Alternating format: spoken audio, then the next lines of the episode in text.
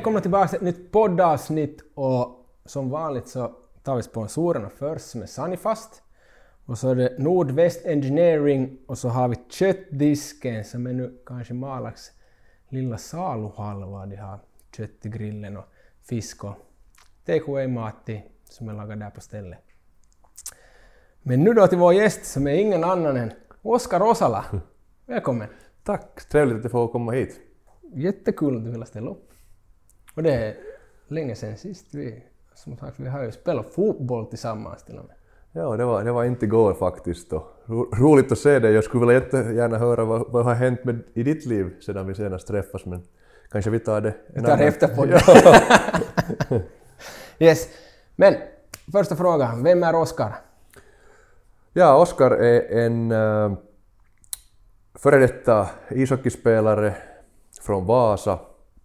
Äh, båda, för, båda föräldrarna är från Vasa. Och äh, vad ska jag säga? Ja, jag spelade i Sportis tills jag var 17. Äh, jag kom, kom upp till herrlaget då jag var 16 och spelade min sista säsong i Sportis då i herrlaget och sen åkte jag ut till Kanada och spelade i den här kanadensiska juniorligan. UHL, vilken är världens bästa junior, juniorliga kan man nog säga.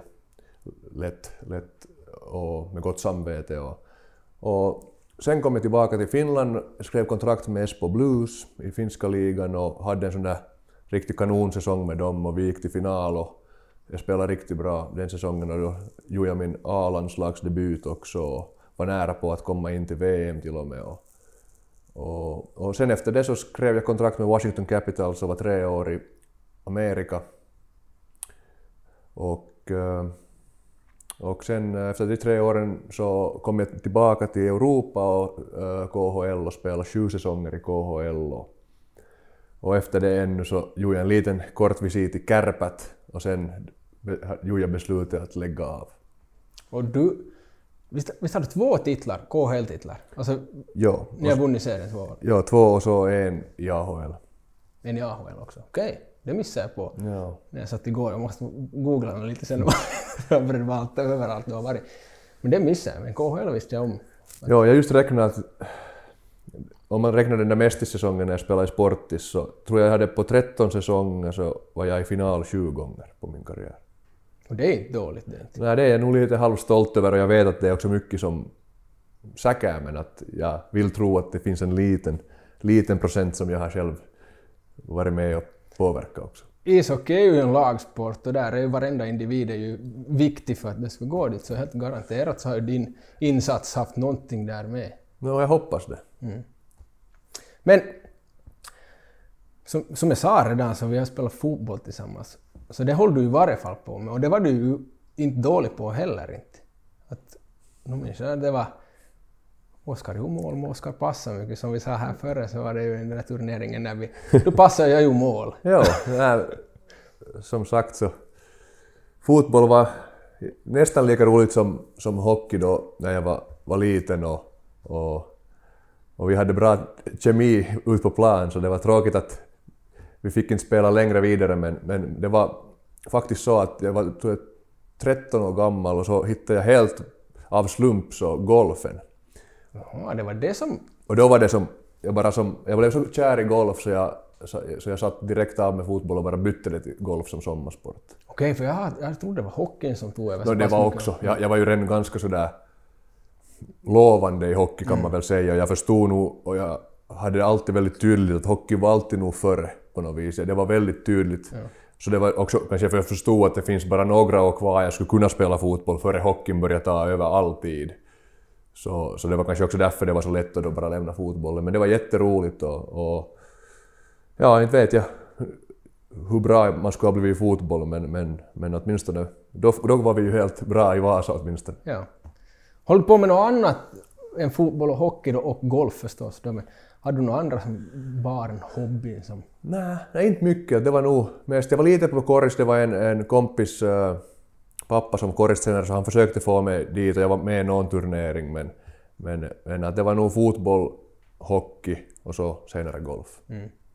Och du, du var ju lång som liten också, så Mm. Koris så skulle ju kanske också vara ganska bra, eller skulle passat dig säkert. Ja, men i NBA har jag kollat nu så med min, min storlek i NBA skulle jag vara bland de kortaste i hela ligan. Så. Men det finns ju de där korta där också. Ja, jag skulle, jag skulle borde vara den där lilla, lilla snabba killen där. Men om vi går över, vi, jag hade meriter här redan som följd, men det, du tog ju det redan i din presentation. Så vi går, vi går över till träningen alltså. Som, hur tränar en hockeyspelare, hur tränar du? Att om, du, om, du, om, du, om vi tar en hockeysäsong. Om vi börjar off-season. Hur såg träningen ut där? Ja, no, det vad jag säger nu så jag hoppades att jag skulle veta när jag var yngre att, att så som vi tränade i Sportis då när vi var unga, att, så det var liksom helt värdelöst kan man säga. Och jag, alla som var med då, alla tränare också erkänner det ju nu att, att det var ju som, det var ju inte, inte eh, uh, något vidare och men som tur var jag då ännu ganska lat, eller jag ju som bara det där som minimum. Eller som, att jag var inte som sådär motiverad. Det var en hobby och jag gjorde vad man måste men jag, så, så det var tur för jag hann inte som träna sönder mig i princip för det, det, det var inte några vettiga program vi, var, vi hade på gång där. Så, så, men vi talar inte om det nu desto mera utan vi går in på det, vad jag vet idag och hur jag tycker idag en hockeyspelare skulle, borde träna. Och, och som off-season då, det beror väldigt mycket på som, om du är redan en, en rutinerad 25 plus-årig proffs eller om du är en ung kille. Och som ung kille tycker jag du skulle borde åtminstone väldigt starkt prioritera snabbhet och styrka. För det tar en lång tid att bygga snabbhet och styrka. Och uthållighet kan du bygga. Du kan bygga från noll en tillräckligt bra uthållighet i hockey på sex månader. Men att bygga en tillräckligt bra styrkenivå och explosivitetsnivå tar säkert från scratch så tar det 5 till 10 år. Så det är en sak som, då när jag var ung så var tvärtom, vi tränade bara typ, vi bara jogga sådär. Och det minns jag alltid när man var liten. Man var ute i stan så såg man hockey. Ja. Lagen som kom springandes med Ja. simhallen och... Och alla hade så tajta, alla var så tajta i ljumskarna och höftböj, höftböjarna och, och alla... Och det är ju alla, viktiga, det är viktiga saker i hockey. Ja. Att det ska vara mjukt, bra och Mjukt och starkt. Och, och det var svagt och tajt. Ja. Och vi, jogg, tvärtom. ja, vi jogga och jogga och jogga. Ingen spänsträning alls. None. Och styrketräning var också som... Det var som princip inget. Men om, om jag förstår rätt så nu tänk, nu pratar om, om spänst, snabbhet och, och styrka. Så det är en kombination av att både skrinna och gymträning. Då. Absolut. Ja. Och spänst kan man ju träna på isen bra, som ta spurter och ha något, till och med dra efter någon kompis eller pusha någon kompis eller sen ha något gummiband som lättar dig eller ökar vikten. Så det, spänst kan man träna både on och off ice. Men styrka är ju svårt att träna på isen så jag tycker att styrkan hämtar man då från gymmet och i gymmet ska man inte som härma hockey utan i gymmet kör man basövningar och blir stark och blir sådär hur ska man säga, sån där atletisk, man kehit, äh, som utvecklar sån där allmän atlet, atleticism i gymmet, vilket sen kommer, när man spelar mycket hockey så äh, kommer nog transfern ut på isen sen. Ja, ja. För det finns som mycket hockeyspelare som försöker få på gym och leka hockey eller som imiterar hockey och det blir, det blir lätt ganska svårt, eller ineffektivt kan man säga. Att de får tillräckligt stora stimulus och, och, och mot, äh, vad heter det, motstånd så blir svårt när man gör några riktigt specifika övningar.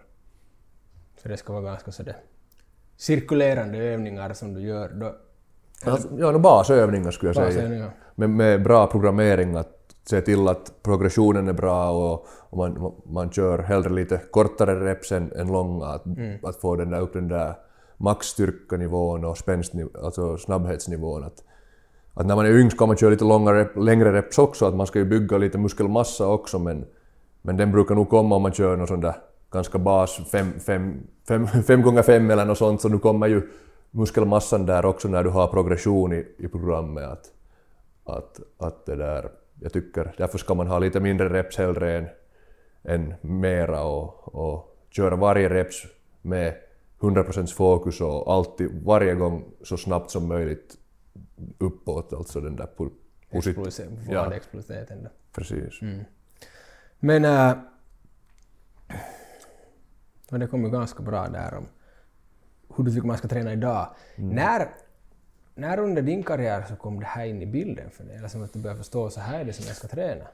Och du sa just att i Norden, då, då joggar man. Ja, ja no, det kom tyvärr så. Ja, det, det, det var som en period när det var ganska bra när jag hade en sån här speedskating-tränare, vad är det på svenska? Alltså sån här...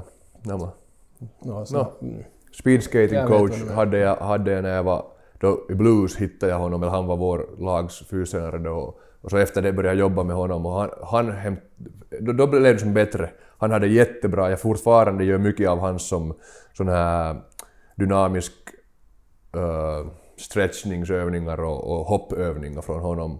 Och hans gymövningar var delvis också bra, eller, eller de var jättebra men jag tycker bara de var inte tillräckligt att sen nu för tiden kör jag dem och me- mera basövningar. Det var en sån där enbensböj som han älskar, vilken är jättebra. Men jag tycker att den ensam... Fysiken blir för ensidig om man kör bara en sån där halv från hockeyvinkeln enbensböj. Så det, det blir som, om du bara kör den så blir du inte en atlet, vilket du måste vara om du vill vara en riktigt duktig hockeyspelare. Men, men då blev det lite bättre. Sen får jag till AHL, USA, och där tappade jag helt som jag for som sivuraite, eller hur säger man på svenska, att, att där började jag... Med sidospår. Ja, att, att jag blev som... Där, det fanns en sån här trend på gång att man skulle som inte lyfta något tungt utan stå på någon sån här bosubolls och medicin, sån där stora bollar och allt skulle vara som så hockey specifikt och inga vikter och ingenting och, och så blev jag som riktigt taggad på det och körde typ hela AHL-åren det och bara blev sämre och sämre och sämre. Och samtidigt så ännu så var det en sån där low carb boom på gång i USA då så.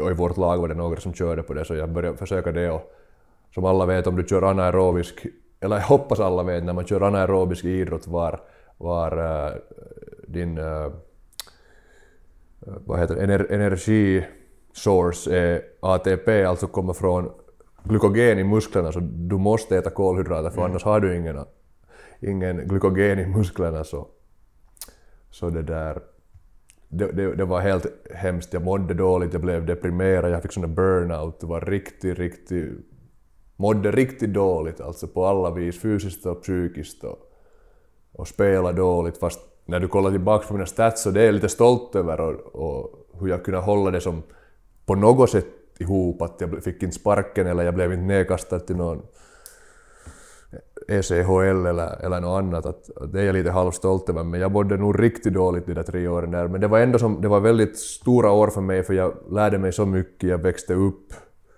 Jag växte upp som människa också, inte bara fys, att jag, jag, jag, var nog en ganska sådär själv, onödigt självsäker och, och trodde att jag visste redan allt. Hur ska man säga? Inte, inte kaxig men sådär...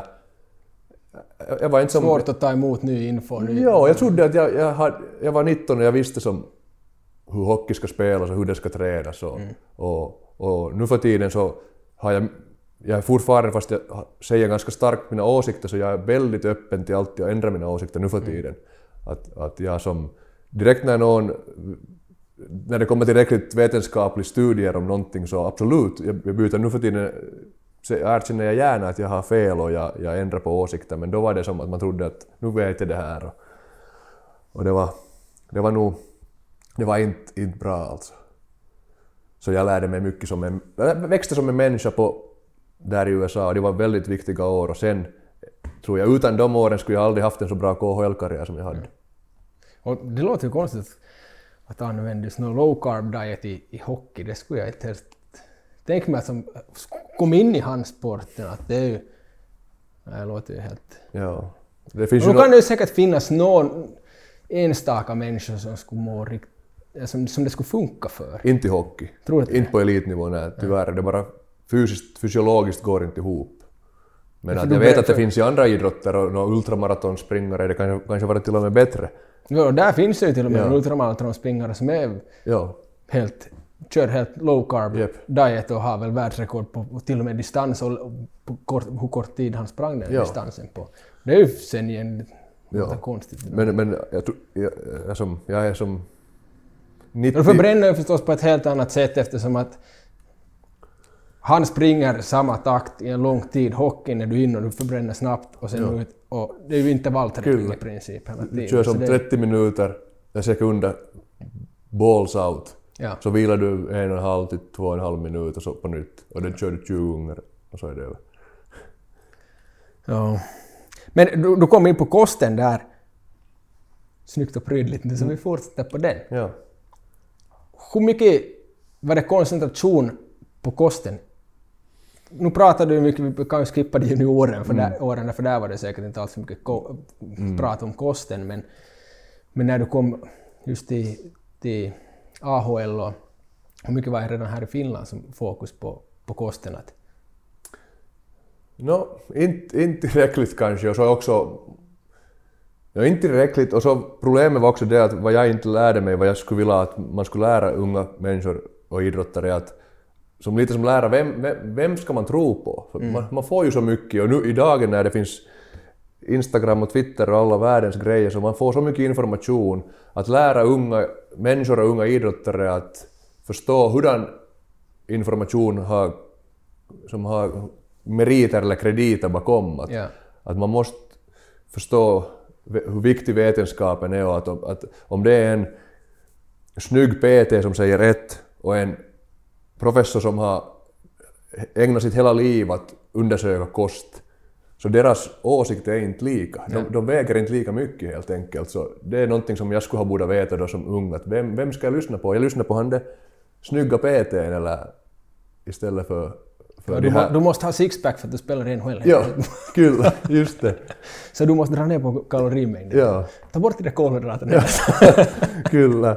Och, Men kom det mera US, eller som i AHL sen då, han det kosten ja, vi hade nog någon som närings... Sån här terapeuten eller någon sån Ja, vi hade riktigt sån där, kommer ihåg på någon training camp så hade vi sån där som kom in och be- berättade och det var allt som science-based, evidence-based, bra information. Ja, ja. Men jag var bara som så lost så jag lyssnade inte på...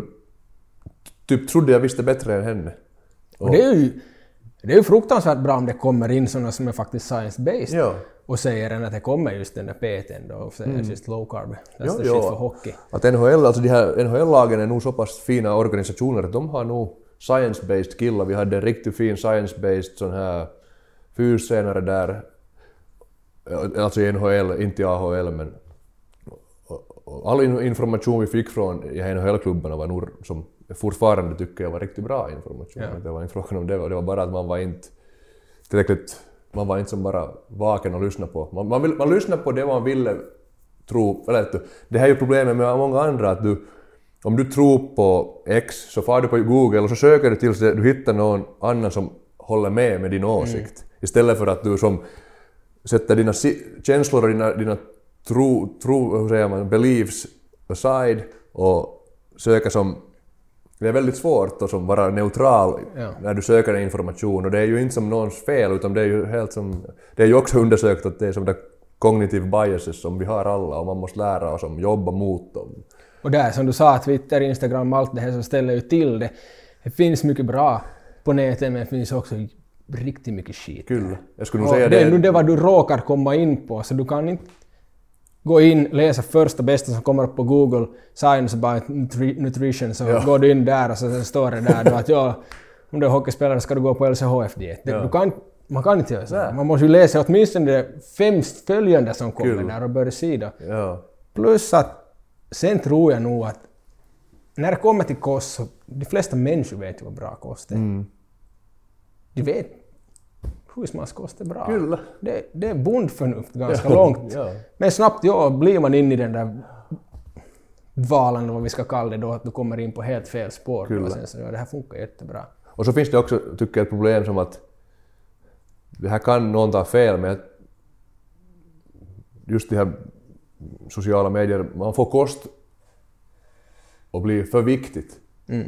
Alltså kost är viktigt, men just som sa, det var du, din mommo eller mamma har lagat när du var liten, så det, det funkar. Alltså det behöver inte vara något mycket bättre än så. Alltså vanlig mat med grönsaker, i princip räcker långt. Det räcker att du kommer till NHL, men sen när det blir för viktigt och du börjar försöka som för extremt, så då kan det gå snett. Ja. Men så länge du som är bara ganska sådär relaxed och njuter av livet och äter sådär vanligt, Så du, håll, du hålls ganska bra på rätt spår tycker jag då. Och det, vet, det är ju science-based att, att vi har ju levt, om man ser som stenålderkosten, Mm. den är ju inte kanske optimal att äta, men det är en grund. Kul. Och sen har vi ju som lärt oss mer och mer Precis. Mm. om vad som passar oss bättre. Sen tyvärr har det kommit mycket mer skit i dagens läge i kosten än vad man kanske använde förr. Yes. Men bara att se bakåt i tiden hur vi åt då, så det har ju funkat i tusentals år. Mm. Det här är ju en ganska bra, tycker jag, början att, att se att Absolut. det här, det här funkar. Mm, absolut. Det här kan jag börja med. Sen måste man nog kanske lite gå individuellt också och se vad som funkar för en sen då. Kul. För alla reagerar vi kanske lite olika på hur mycket kalorier vi förbränner lite olika och sådana saker. Så att, men som du sa, det kan hända att man inte behöver riktigt gå heller in det här är det bästa utan håller man sig inom några ramar så är det bättre än att gå allt för efter en rak linje istället. Jag håller med och just som en, en väldigt smart kille som jag har följt länge som jag kan nog rekommendera som jag tycker han är, han är doktorerad inom kost och han är en styrkelyftare och, och en bodybuilder, Lane Norton som jag har följt i tio år. Han har varit faktiskt inspiration också, han är ganska inspirerande som bara att man orkar träna och han är, som, han är ganska tuff men, men han säger, tycker jag, väldigt bra att you can't out eat a bad training regimen eller något sånt. Alltså, det hur du tränar är mycket viktigare än hur du äter. Och människor ofta, eller många har det som fel väg att de tror att det du äter som är 90% och det träningen är 10%. Det är nog tvärtom. Eller, ja. Jag håller lite på kosten. äh, no, det är klart, träningen, eller det är vad jag håller på säga här att om du äter helt åt skogen så gör du heller inte något resultat. Inte. Mm, det stämmer, det hade jag också bra bevis på i AHL. Ja. Jag hade grym fokus på ätande och Men du bara- behöver inte ha en perfekt kost för att göra resultat. Det behöver du absolut inte ha. Men att ja, har du dålig kost att träna så gör du sämre resultat också. Ja, det stämmer. Men att fast du har världens bästa kost och du tränar dåligt, lite och fel så du blir aldrig en toppidrottare. Det är bara, det är bara fakta. Det är mycket viktigt, men, det, men tvärtom så om du äter sådär okej men tränar bäst så jag tror nog du kommer ganska långt ändå. Mm. Jo, jo, och träningen... Du tränar ju för att bli någonting. Du äter ju inte för att bli någonting. Inte. Men eh, vad låg kalorimängden på när du spelar? Den kastar ju säkert Ja, jättemycket. den kastar men, mycket, men nu, nu ser jag vi talar om de här mina sista KHL-åren när jag var ganska, tycker jag, hade en ganska bra drive och gjorde saker ganska vettigt så, så det var nog ganska stort. Jag skulle nog säga att det var i snitt över 4000. Mm. Kan nog vara vissa dagar såklart över fem också men i snitt säkert någonstans mm, skulle säga mellan fyra och fem på under en säsong. Nu, nu är det kanske tre, fy, tre, mellan tre och fyra nu när jag inte spelar längre. Jag ändå tränat ganska mycket. ja. ja, det ser man på Instagram. ja. Men eh, nu hoppar vi tillbaka till träningen då förstås. Men, att, men när ni tränar, om vi tar KHL nu så hur, hur såg en vecka ut? Hur många gånger i veckan tränar ni? Tränar ni varenda dag, en eller två gånger eller? Då under säsongen. Ja. No, nu tränar vi. Vi brukar ha faktiskt sen senare när jag var i Magnitogorsk när vi hade som bra och sån här lite mera som väst, alltså vi hade som kanadens, kanadensare coacher så vi hade nog en ledig dag per vecka. ja. Det var alltid som målet men, men annars då så sex dagar så det var ofta tre matcher och så tre träningar plus morgonträningarna så sex träningar då. Och så körde man ju alltid då efter, jag brukar köra efter matcherna fys för när du har såna, när du spelar tre matcher i veckan varannan dag så du, vill nog vila dina mellandagarna eller hålla dem lätta. Så då brukar jag efter, efter matcherna köra, köra då fys och oftast då var det om jag spelar mycket som jag gjorde de sista åren så då var det nog ofta bara några tre på någon knäböj eller bara hålla som styrkenivåerna lite upp, uppe. Och, och om man spelar mindre eller kände sig fräsch då försökte man ju kanske göra spänst emellanåt också. Men just som sagt att om du är trött så är det svårt att träna spänst. Eller det, det, det, det svarar inte riktigt så. Så ungefär på det sättet. Och så reste vi ju mycket också så då, om det var borta vecka så, så då blev det mindre men nu försökte jag alltid göra det också som någonting efter matcherna som, som utvecklade mig eller förberedde mig mot, mot playoffs som kommer, kommer på våren. Men hur är det med återhämtningen?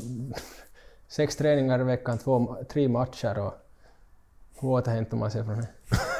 Ja, men som sagt. Tuppluren, du sov resten av dygnet? Ja, typ. typ. Jag var ju, alltså på riktigt, mitt liv var ju då som att jag hade ju inte Linda med eller, eller annars heller. Som, jag var där ensam, hade kompisar såklart, men att nu, nu var det mycket att man bara låg på soffan hela dagarna annars. Och så var vi ute och äta alltid tillsammans. Vi åt ute varje dag. Jag lagade inte en enda gång mat på sju år i Ryssland själv. Det är lyx. Ja, och, och, så, och så vid ishallen hade vi frukost och lunch då. Ja, ja. Så, så man låg hemma. Det var som, dagens höjdpunkt, höjdpunkt var när vi for ut och äta då med killarna då, en, en till två timmar. Annars låg man och tränade. Så var det.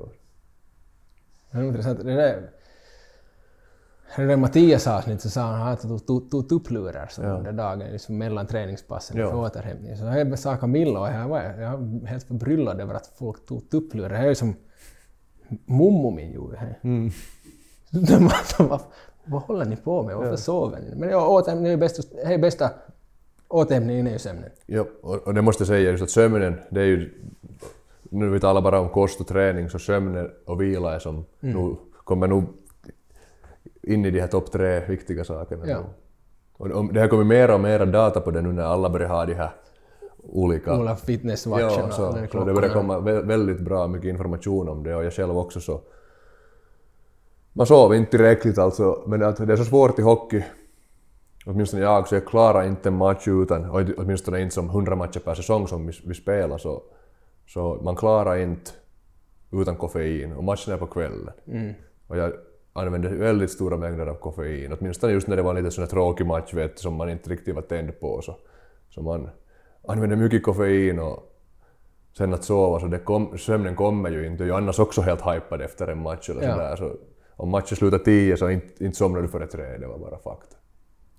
Så då blev det lite sömn. Ja, det blev lite så oftast hade vi då... De, de försökte ju nog alltid sätta då nästa dags träning senare men ändå så inte kan du sova då ett du tränar, du är van att vakna nio eller åtta så ett du trä, inte kan du sova till tolv. Nej.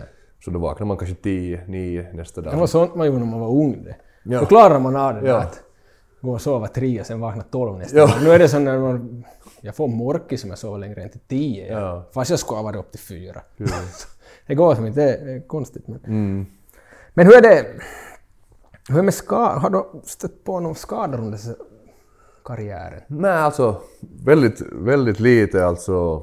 Inga sådana här allvarliga skador som knän eller axlar eller nacke eller rygg. Sådana som skulle vet du, hålla mig borta i många månader så inget. Men såklart mycket ben har gått av och sådär att som jag kommer inte ens ihåg men såna, det tar ju oftast fyra till sex veckor att läka så sådana, sådana skador har jag nu haft. Jag kommer inte ihåg säkert, jag vet inte, 20, 30 inte vet jag. Är det fingrar och sånt som fan väst? Ja, fingrar. Uh, fingrar har gått jättemycket och så no, axlar, AC-joint och sånt där, men det, det är också några veckors grejer. Och så fibula gick av, det var ganska allvarligt, men det var också bara fem, sex veckor så var jag tillbaka på isen. Eller i match. Och, men ja, alltså just fingrar. Vad annat? Nu har det varit några andra också, men jag kommer inte ens ihåg. Men sådana där små, små allvar, inte det är ju allvarliga, men för en sån vanlig lyssnare kan det ju låta allvarligt att en finger får av, men i hockeykretsar, no, fötter också, när puckarna kommer i fötterna. Och det tar sjukt. Och om du har kalla fötter nu, fast du har inte fast råkat spela dem mycket den matchen, och då ska du få blocka ett skott och du har, du har lite som kalla fötter. Så, uff, det saknar man inte. När jag ser så på hockey nu och jobbar, jobbar i TV så man som tycker så synd om de där killarna. Man är som att oj, jag- saknar nog inte alls det där blocka skott vet. Ja, och då har jag fått skott när jag spelar i MHL motionsliga och jag tycker det tar sjukt. Jag vill inte Mm. Ens föreställa mig, om du skulle skjuta mig i foten, hur sjukt det skulle ta. Jag skulle ligga säkert och gråta där, för jag var nog fem före man ville börja gråta bara för att råka träffa rätt. Alltså visst fick man inte ta Nej, inga, och det är ju inga slagskott, Nej. utan det är ju dragskott. Nej, och det där finns ju nog sådana som har spelat länge hockey Mm. och skjuter hårt, men att inte det är ändå på den nivån du har legat på, alltså hur hårt du skjuter. Man, vi visste nog det där, det fanns alltid KHL var det kanske tre, fyra killar, fem, fem killar. No, kanske no, tio max killar som du visste att alltså det är helt enkelt skjuta så hårt att om de får en one-timer och du skjuter, så du vet att om det träffar ett ben så far det av. Eller det, det, alltså inte bara av, men alltså du får en murtuma. Ja. Alltså vad heter det? Ja, då. Du bryter ju sk- okej. Så det var som... Det Du var skrämmer ju bort alla som har tänkt Ja, hockeyproffs. men då var det som att de, de spelarna så spelar vi ofta då, om det var en grundseriematch, så spelar vi bara på det sättet att vi bara gav inte dem en one-timer. Vi som satt inte varandra i pisse på det sättet. Att vi bara som spelade bort hans one-timer. För sen när det var playoff så var det ju annat. Men, eller så om det råkade komma igenom så, om matchen var nu inte sista minuten eller så, så fle- oftast så låter man nog den, den pucken gå som genom att du står lite snett.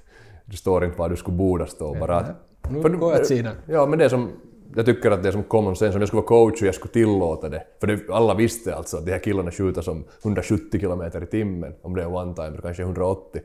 Att du ska som inte, jag skulle, det är som helt onödigt att ta den där skottet för Ja, du, risken är jättestor att du får en månads vila. Ja, och sen är det ju inte... Kan jag tänka mig kul för en coach heller att...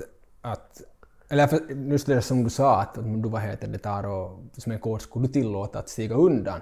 För att har du nu en bra spelare på planen och går han och ställer i vägen och sen är han borta då halva säsongen för att han har brutit 15 halva, ben. en Ja, men månad, En men- månad ja. då. Det kan ju bero, det kan vara en jättestor grej för själva laget. Absolut. Så. Så det är kanske bättre målvakten får rädda det då. Ja, kul. Men sen i playoffs är det ju annat, att då, Ja. då är det bara att ta den där risken. Och, och, och som, om jag skulle vara tränare skulle det skulle vara mitt också att, att jag skulle tillåta killarna inte ta alla skott i grundserien, men när det är playoffs så då, då ska nog alla... bara dit. Ja. Ja. ja. Hur är det som med, med sponsorer i hockeyn? Att ser man mycket andra sporter så där ser man jättemycket sponsorer, det flashas mycket sponsorer. I varje fall på sociala medier. Hur är det i hockeyn? Hur mycket sponsorer har du? Eller som privata sponsorer har du? No, väldigt lite har nog killar att, att åtminstone på den nivå jag spelade, vi var ju lyckligt lottade att vi tjänade bra och, och kanske vi var inte heller ute efter att våra agenter sökte inte sponsorer, vi ville inte ha. Och jag hade själv någon sån där som bara... Om det var någon produkt som jag riktigt gillade, riktigt gillade, och som, eller alltså, inte ens bara jag gillade att jag behövde den eller jag som skulle ha annars köpt den, om de som typ föreslog att okej, no, men du får den gratis om du säger, jag tar en bild med den till oss, så då okej, men att jag, jag så var inte alls ute efter sponsorer då. Och, och, no, nu, nu för tiden har jag också vissa, vissa samarbetspartners, men det är också bara för att det är produkter som jag annars skulle köpa. Jag, älskar den här produkten och jag skulle annars köpa den och så, så föreslår de någonting så går jag med på det, men jag som skulle aldrig ta en sponsor som jag skulle inte på riktigt gilla på riktigt, bara för pengarnas skull. Du har inte haft här kosttillskotts... Jo, jag hade faktiskt ett Vasa-företag någon gång länge, då riktigt, riktigt i början, då när jag var i Esbo och AHL så var det, vad hette de? Prottop hade jag då. Och jag var deras mannekin. Okej. Hört talas om. Ja, det, jag, tog, jag hade faktiskt AHL med deras produkter. och Det var, det var helt som en vanlig Hera och grejer. Och så hade de pre-workout hade de också. Men hur mycket kosttillskott har du...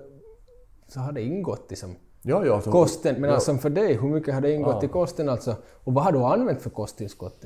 Jag har ju provat på de flesta sådana vanliga, men att nu när jag har som gått igenom de flesta och, och, och läst på och har mycket kunniga vänner eh, inom kost och träningskretsarna så det har nog blivit bara att i princip är det nog bara whey-protein och, och kreatin som gäller. Att allt annat, och D-vitamin och typ, men alltså helt basic, inget. Inte 15 olika piller och Nej, 15 olika pulver. Absolut inte. Det är, nog, det är nog bara de som nästan funkar tycker jag. Och, och så koffein såklart. Koffein är en väldigt stor del av min vardag fortfarande. Jag älskar kaffe och, och jag, när jag kör ett gympass så nu kör jag ganska stora mängder koffein. Att jag tycker att det är roligt att bli lite taggad. Det är bra du. Jag kan inte dricka för mycket koffein för jag, jag slår helt tvärtom. Jag blir riktigt slut. Nej. Ja.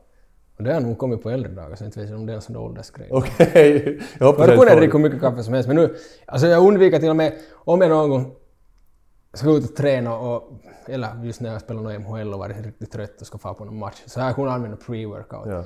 Då kan jag ju ofta sitta vad det innehåller, sen ut ta någon sån där pumpgrej och sen så är jag första varvet ut på isen och sen har jag sån pump så att benen håller på att explodera. De är- Men att koffein har jag fått undvika.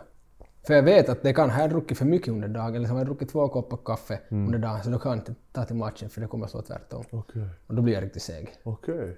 Konstigt.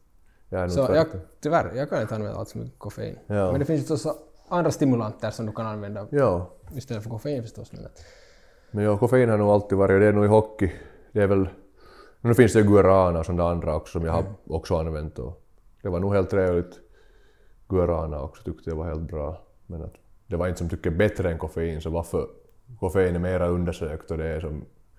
då är det mera säkert. Se, precis, det är som bara så mycket längre historia med den. Så, Ja. så varför... Men du hann väl... No, du hann väl sluta före Nocco kom? Nej, nu var det kanske, jag vet inte. Jag Men det är nog ändå- kanske där lite i, Ja. i, i Men att- när de börjar bli stora. För det, idag så finns det ju mycket hockeyspelare som är... Vi hade Nocco i. Nocco. Ja, jag drack Nocco i Ja, gjorde faktiskt. Ja, i Kärpat hade vi det, så där drack jag det. Ja, det, var ju, det är ju koffein och BCA visst, så det är som jättebra. Det är ju bara helt basic, basic grejer. Att, att det, där, det, det, är- det är en bra produkt. Jag är inte sponsrad. Det är inget samarbete med. Men, att, men jag har inte svårt att erkänna om någon gör ett bra jobb. Jag vill erkänna om någon gör en bra produkt. Jag har som inte, det är inte så att jag inte säger det om de inte betalar till mig. Att om någon gör en bra produkt eller gör en bra grej så jag vill komplimentera. Jag tycker att det är värt att man säger att grattis, ni har gjort en bra produkt och Nocco har lyckats med det. Och så är ju lite... Dagens melodi är kanske inte riktigt så, utan det är avundsjuka och Mm. Skitsnack som inte är sant och sådana tråkigheter. Ja, det, Men- det, det är väldigt synd. Eh, Jag håller fullständigt med dig att är det någon som har gjort ett bra jobb så jag lyfter hat- på hatten på Mm. det. Vad ska man stå där och sura över det? Då mm. att "Men han har gjort det bättre än mig. Ja. Men det är kul för det att du har gjort det. Ja. Använd det som motivation istället då. Ja, precis. Just så. Nåja, man kan han så då kan jag. Mm. Men ja, nu kommer vi in på något helt annat förstås. det får det göra i den här Ja. podden. Det får flyta iväg lite hit och dit. Men om vi går vidare så... Nå, men vi... Framtidsmål tänkte jag. Som just nu efter hockeykarriären, och det sa du lite före här att du... Det var inte hockey, hockey, hockey, utan du hade annat i, i huvudet också än hockeyn. Ja. Men först och främst, nu, nu har ni ju startat en hockeyakademi, du och Andreas Multer. Är den... Ska den vara som based i Malax bara eller kommer ni, kommer det vara, tar ni... Kommer ni försöka göra det i hela Finland också? Vi har, vi har faktiskt... Har ni inte hunnit tänka så långt? No, vi, no, För det, är, ju- det är ju nytt ju. Ja, vi har nog hunnit lite tänka, men alltså vi, vi börjar nog vara som med den att vi, vi råkade nog båda vara i Vasa på grund av att det var corona och, och vi fick just ett barn och, och för sådana här orsaker så, så jag är i Vasa nu och vi, har, vi, vi, vi tycker om att hänga med André och vi tänker väldigt lika inom hockey. Vi har talat hockey tillsammans nu, vi har känt varandra i tio år eller no, mera har vi känt varandra men varit som kompisar i tio år.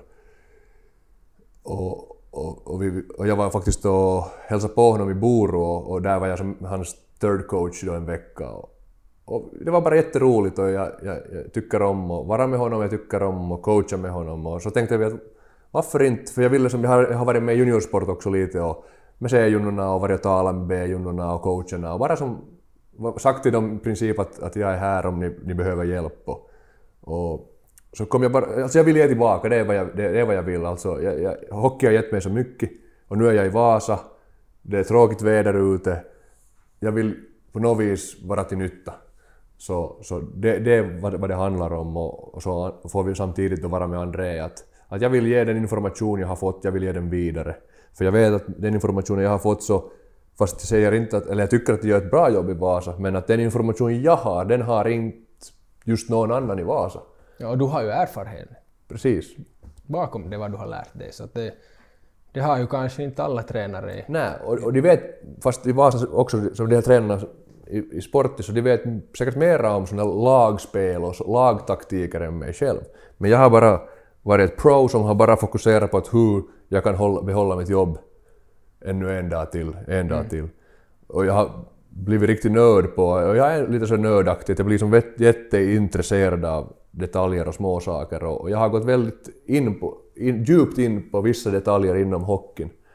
Och, och jag inte vet jag så mycket om all, allt men att vissa saker i hockey så vet jag jättemycket på. Jag har på riktigt gjort så många timmar gett så många timmar till vissa saker inom hockey så jag, jag vet att jag har sån information som ingen annan typ i Vasa, eller i, i Vasa har inte helt enkelt.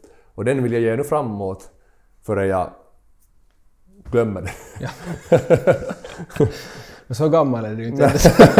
Dement inte. Ja.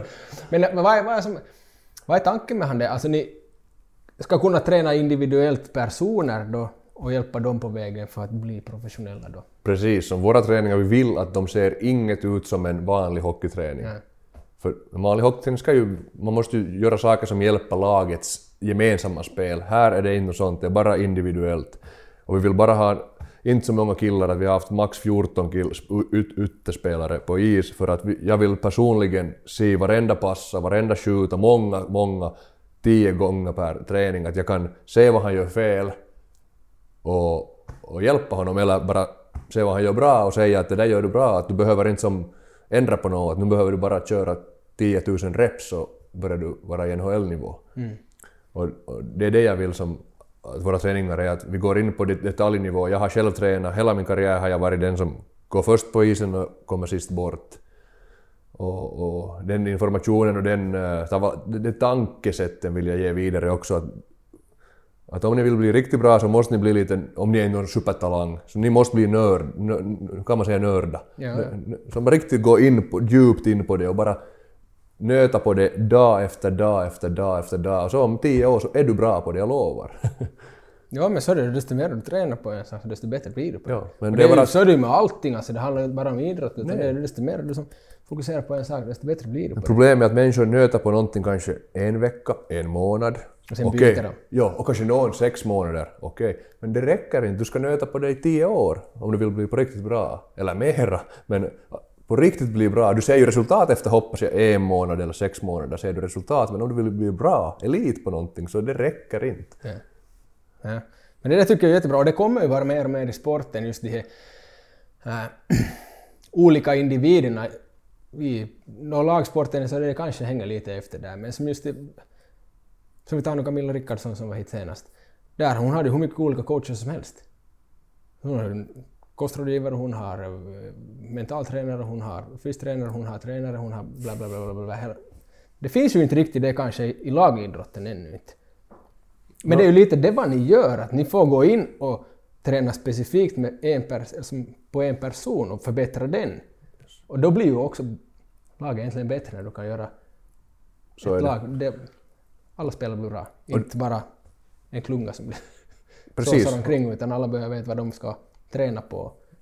Kyllä, alltså tre- trenden inom hockey är det och säkert inom fotboll och alla lagsport, idrottare, det är redan åtminstone var det finns mycket pengar så alltså det, alla börjar ha att de har lagträning och så har de, åtminstone i off-season har de just skilt typ sk- skotttränare och skridskoåkningstränare och mentaltränare och fystränare. Ja. Och det, det går mot det hållet. Ja. Och därför också så, det här är inte varför vi gör det, vi gör det inte för pengar men att det finns inte något sånt riktigt, ens vad vi gör finns inte i Österbotten Nej. riktigt så det är nog bra att det finns någonting och det är ju väldigt litet ännu men att kanske det, det, blir till något småningom. Det tror jag absolut. För det är nog, alltså, jag tyckte det var skitkul när jag läste artikeln på Vasabladet. Ja. Jag tänkte, "Yes, Det här var en bra idé, det här var jag riktigt på. Så det tror jag nog blir riktigt bra. Men vad har du annat då? Du golfar mycket förstås nu. Ja. Och som du sa, du blev pappa just så nu blir det mindre golf och nu blir det mera byta blöjor. No, det, det stämmer delvis men att, att min, äh, min blivande fru så, så hon är golfproffs. ja, det har jag faktiskt hört. Ja, så, så vi kommer nog att försöka... Så, barnen kommer nog att växa upp på golfbanan och vi kommer att turas om och, och sköta och andra tränare och så tar andra en paus och tränar. Och, och så, hennes karriär nu i vår familj är som det där top priority så jag, jag reser med henne då runt världen i hennes tävlingar och hjälper henne och kommer att ta hand om barnet då tävlingsveckorna då, antingen på plats eller så stannar vi hemma men mycket på plats ska vi försöka åtminstone, det, det är tanken. Och, Du blir, du blir hemmapappa nu. Ja, typ. Men Emma pappa talar så, sån där tour, Ja. tour-hobby som de kallar det där. Att, det, där det, det är nu tanken att hon har hj- hjälpt mig jättemycket i min, min karriär och, och jag vill nu ge tillbaka. Det är lite som hons tur nu att... Precis, så är det. Ja. Det är fint. Men sen så förstås som du sa, du, har, ju- du är ju på TV också. Ja. Du är kommenterar, eller kom, kommentator heter det väl. Jo, jag har varit kommentator, det är ju alltså det, när man är där under, när spelet pågår så är man där bredvid, Ja. bredvid den här selostaja, vad är det på svenska? Ja, vad är det på Ja. svenska? No, jo. No, de flesta vet nog Ja. Jag vet vad det är, men jag vet inte vad det är på svenska. Ja. Så, så jag, jag har varit kommentator och så har jag varit mera ännu i studion. Så mellan perioderna så stå, sitter jag i studion och, och analyserar spelet och, och det har varit faktiskt roligt. Det där kommentator, det har varit jättesvårt och jag vet inte om jag... Kanske jag gillar det men jag tycker att jag är inte så bra på det. Men den där studiogrejen har känts ganska naturligt och så har varit också och kommer att vara i OS mellan spelarbåsarna. Som guy between the benches. Så när det blir någon...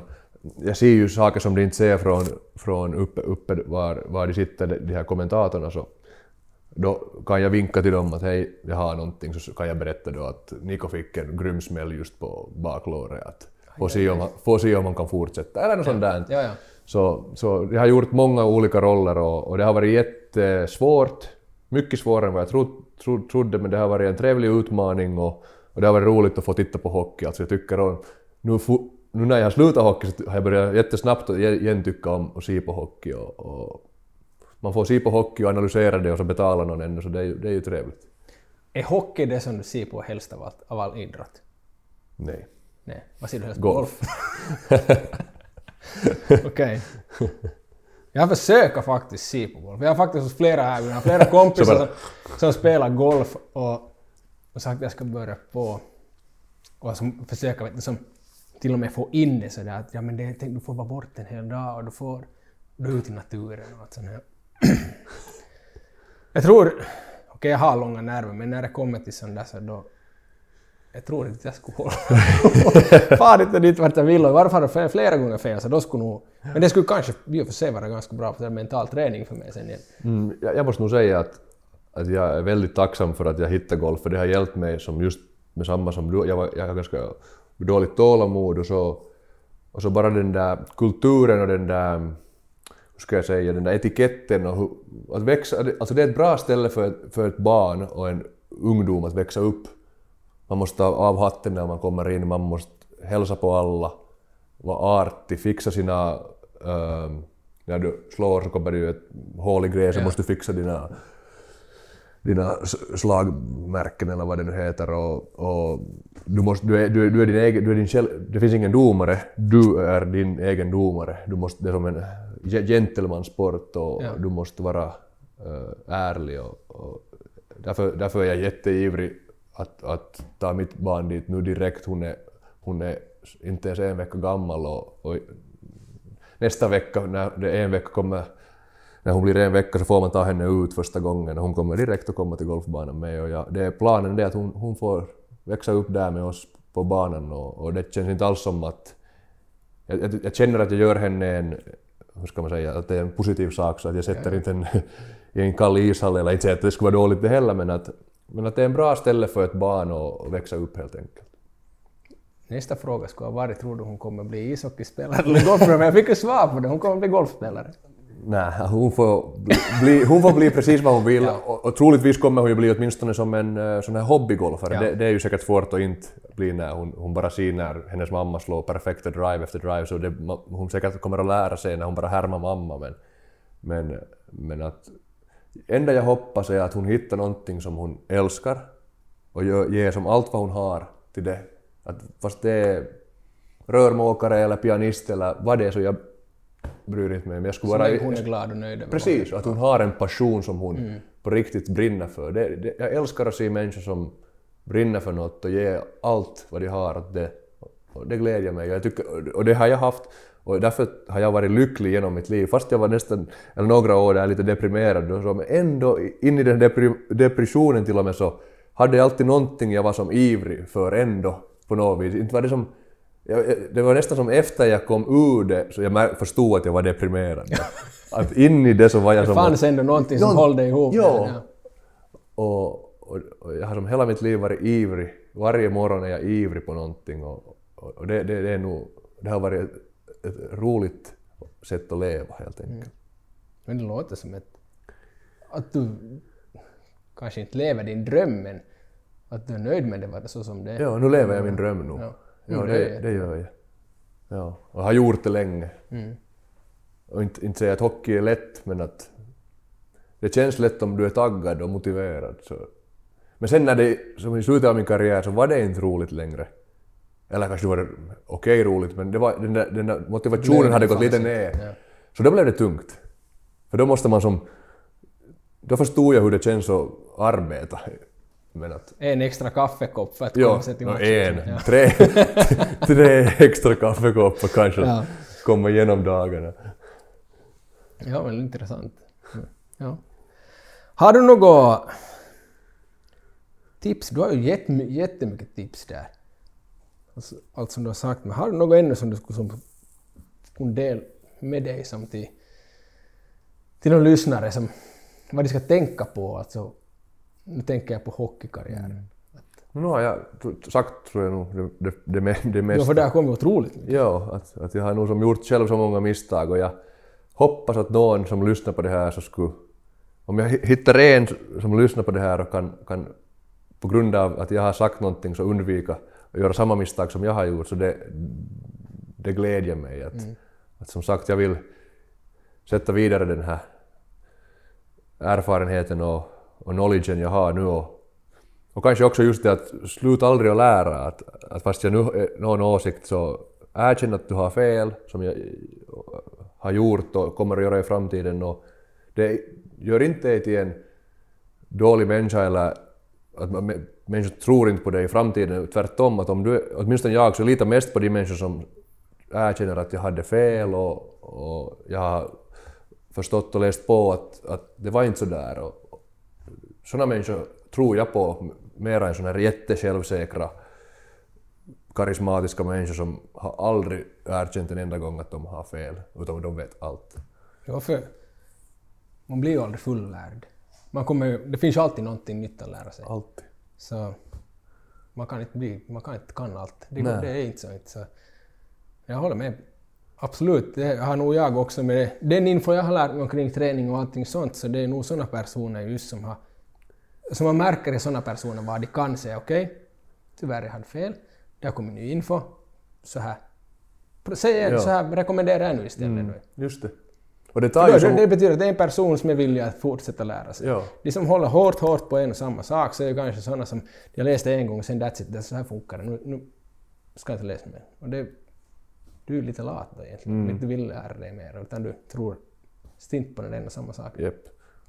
Och det har jag också lärt mig att de människor som är mest pålästa och på riktigt har som stu- studerat och äh, ägnat sitt liv åt något, så de är mest osäkra. När du talar med sådana så de är som Nå kanske jag skulle kunna tänka mig att det skulle kunna hjälpa och lite köra mera styrketräning. Och så en sån där människa som kanske är inte så påläst så kan vara väldigt stark i sina åsikter och för de tror själv också, det är inte att de ljuger utan de tror själv att de vet mer än vad de vet. Det finns ju sån där Dunning, det heter Dunning-Kruger-effekt. Ja. Att om ni har inte gjort det så googla vad, vad det betyder och det är väldigt vanligt och det är också en av de här cognitive biases som vi måste försöka undvika. Och att, att, Och det här är ett ganska bra exempel, att kör du samma träningsprogram på ett gym, så du, du får bra effekt i början. Mm. Sen, sen stannar du, platå, går upp som en platå. Så du måste göra en ändring. Mm. Absolut. Fast, så du måste, där är också det att du måste hela tiden som försöka bli bättre Kyllä. och hitta vägar till att bli bättre. Absolut. Än att det finns inte bara han samma linjen att, att köra. Men tyvärr så vissa lämnar på den där samma linjen så de kör samma sak. Mm. Men tillbaks till akademineran nu då. Hur ska man göra för att få, vara delaktig i akademin? Hör du, vi har ett Instagram-konto nu. Det är så nytt att vi har inte något annat. Ja. Att där bara äh, följ oss och skicka meddelande att ni vill vara med. Just nu så har vi bara grupper som till 14 år och äldre. Men att varför inte om det kommer tillräckligt intresse så kan vi tänka på oss att göra någonting för yngre också men att jag själv har jag inte en, ett intresse att hjälpa som nå riktigt unga för jag har ingen kunskap, jag vet inte vad jag kan lära dem. Ja. Att det måste vara sådana som börjar vara en lite som Förstå, förstå sagor och sånt. som inte bara gör den där lumienkelejka i hörnet vet du. Men du kan ju lära dem det. Ja, då, ja, jag kan. Ja. Nej, nej. Vad va, vad hette det på, på Instagram? OA Academy. Det Akademi. länkar vi ner i, Ja. Och som jag sa, så kommer, vi ska lägga in ett fint foto någonstans här på så att folk tror på mig att jag och Oskar spelar fotboll Ja, tillsammans. gör det. Och Niko var bra. Ja. Vi hade, någon, vi, någon distriktslagsuttagning var jag på, men det var som that's it. Men sen for ner mitt, så där slutade min fotbollskarriär. Men jag börjar spela på nytt. Okej, kiva. ska spela med Peik i division 6 nu Okej. i år, om jag hinner. Låter, låter. Vad, är- vad är Peik för något lag? Petolax IK. Ah, okej. Så jag har varit, och hjälpt, eller varit med några sådana säsonger och när haft lite spelare och sånt så jag kunnat vara spela. Men nu tänkte jag den här säsongen Är du snabb jag, fortfarande? jag vill tro det. du får se snart. Jag får se så. Nej, nu är jag väl nog... Om jag ska vara riktigt ärlig så tror jag det är en karriär som jag skulle kunna bli bra på. Mm. För jag, jag var snabb. Mm. Och jag var ju till och med tredje snabbaste i svensk Finland utan att träna. Alltså på, Nu ska inte börja skryta. på med 60 meter eller 100 meter? Men 60 tror jag det var. Ja. Jag minns inte hur gammal jag var nu där men Ja. vi var på nå Botniahallen och VIS och grejer Ja. och så sprang jag så snabbt i den där tutkan de hade. Ja. Så ville de att jag skulle få med så trea blev jag och de alla andra tränade ju det och jag gjorde Mm. inte det. Så nu var jag ganska snabb tror jag. Mm. Men jag måste tacka dig också så att, att på grund av din sparring när vi hade de där löptävlingarna alltid i BK IFK så... kanske, Ni hör hur gammalt det här är BK IFK, det Ja. finns inte. Så- bara så IFK idag men att ja, BK IFK Så det. utvecklar nog min, mina snabbhets, snabbhetsegenskaper. Helt Det är säkert. roligt att höra om man kunde bidra med till Absolut. Jag tänker i den åldern också, vi var som över tio redan, att börja lite få hormoner i kroppen och... och Ja, det var den här tävlingsinstinkten började Ja, komma. Det var inte ja. det att springa efter bollen bara, utan att förstå, få öga för och jag spel. kommer ihåg ännu när vi körde, alltså jag kommer på riktigt ihåg, jag har som en riktig sådär alltså tydlig bild i mitt huvud när vi körde som bara utan boll sådana spurter, kanske 10 meter spurter. Och det var alltid du och jag och vi var bredvid varandra och vi, ville, för vi var alltid bredvid varandra för vi var två snabbaste så vi, vi tävlade så hårt vem vann var, varenda 10 meter som var helt... Men så ska man träna spänst, man ska Ja, ge allt varje, Ja, ja. varje löpning. Om du löper på 70 så du blir inte snabbare. Men det har jag nog än idag, alltså som just den här motionshockeyn när vi, när vi tränar. Så om vi har spurter, det är enda gången som jag är 100% och det finns inte någon som ska vinna med det. Det ligger i det där att Mm. spurten har varit bra på. Där nöter jag sen då sen... Mm. Och nu, med handen på hjärtat så nu är jag det snabbaste i laget. Men vi skulle kunna prova att ta sprinttävling i, i, på skridskorna. Jag vill också utmana dig i löp. Okej. Men nu har vi ju. Som jag sagt i tidigare poddavsnitt så kommer vi göra någonting med det här. Nej, jag har inte alls sagt. Jag har sagt att vi kommer göra någonting med gästen. Men nu avslöjar vi ju det då att vi kommer ta sprinttävling, vi kommer ta skridskosprinttävling och sen involverar vi Freddy. Så nu är Freddy också utmanare. så då har vi ett ganska bra koncept på ett Ja. litet vloggavsnitt. Det låter bra. Så det kommer förr eller senare. Det. Men jag sa ju att det här kommer ta skitlänge. Mm. Vi klarade det här riktigt bra tyckte jag. Ja, Och kommer vi på ännu mer att snacka får vi ta ett till avsnitt, del absolut. två. Absolut. Och är det någon som har något de vill fråga Oskar så kan ni kommentera i- på Youtube. Kommer tillräckligt mycket där frågor så då tar vi absolut ett. Mm. Och har lite Jag ställer nog upp igen. Vad heter det? Quote, Q&A. Q&A Q&A. Låter bra. låter jättebra. Men tusen tack igen till alla sponsorer då Sunny Fast Köttdisken och no, vad heter det, Nordwest Engineering och sen så glömde jag ju, skäms ju nästan, våra samarbetspartner Flora kompaniet i Malax. Och nu ni som ska till, till vad heter det, äh, Morsdagen och blommor, så dit ska ni efter blommor. Tusen tack för att du kom och utmaningen är accepterad och tack för att ni har lyssnat och tack för att ni har sett. Och vi syns på nästa avsnitt. Tack och hej. Tack.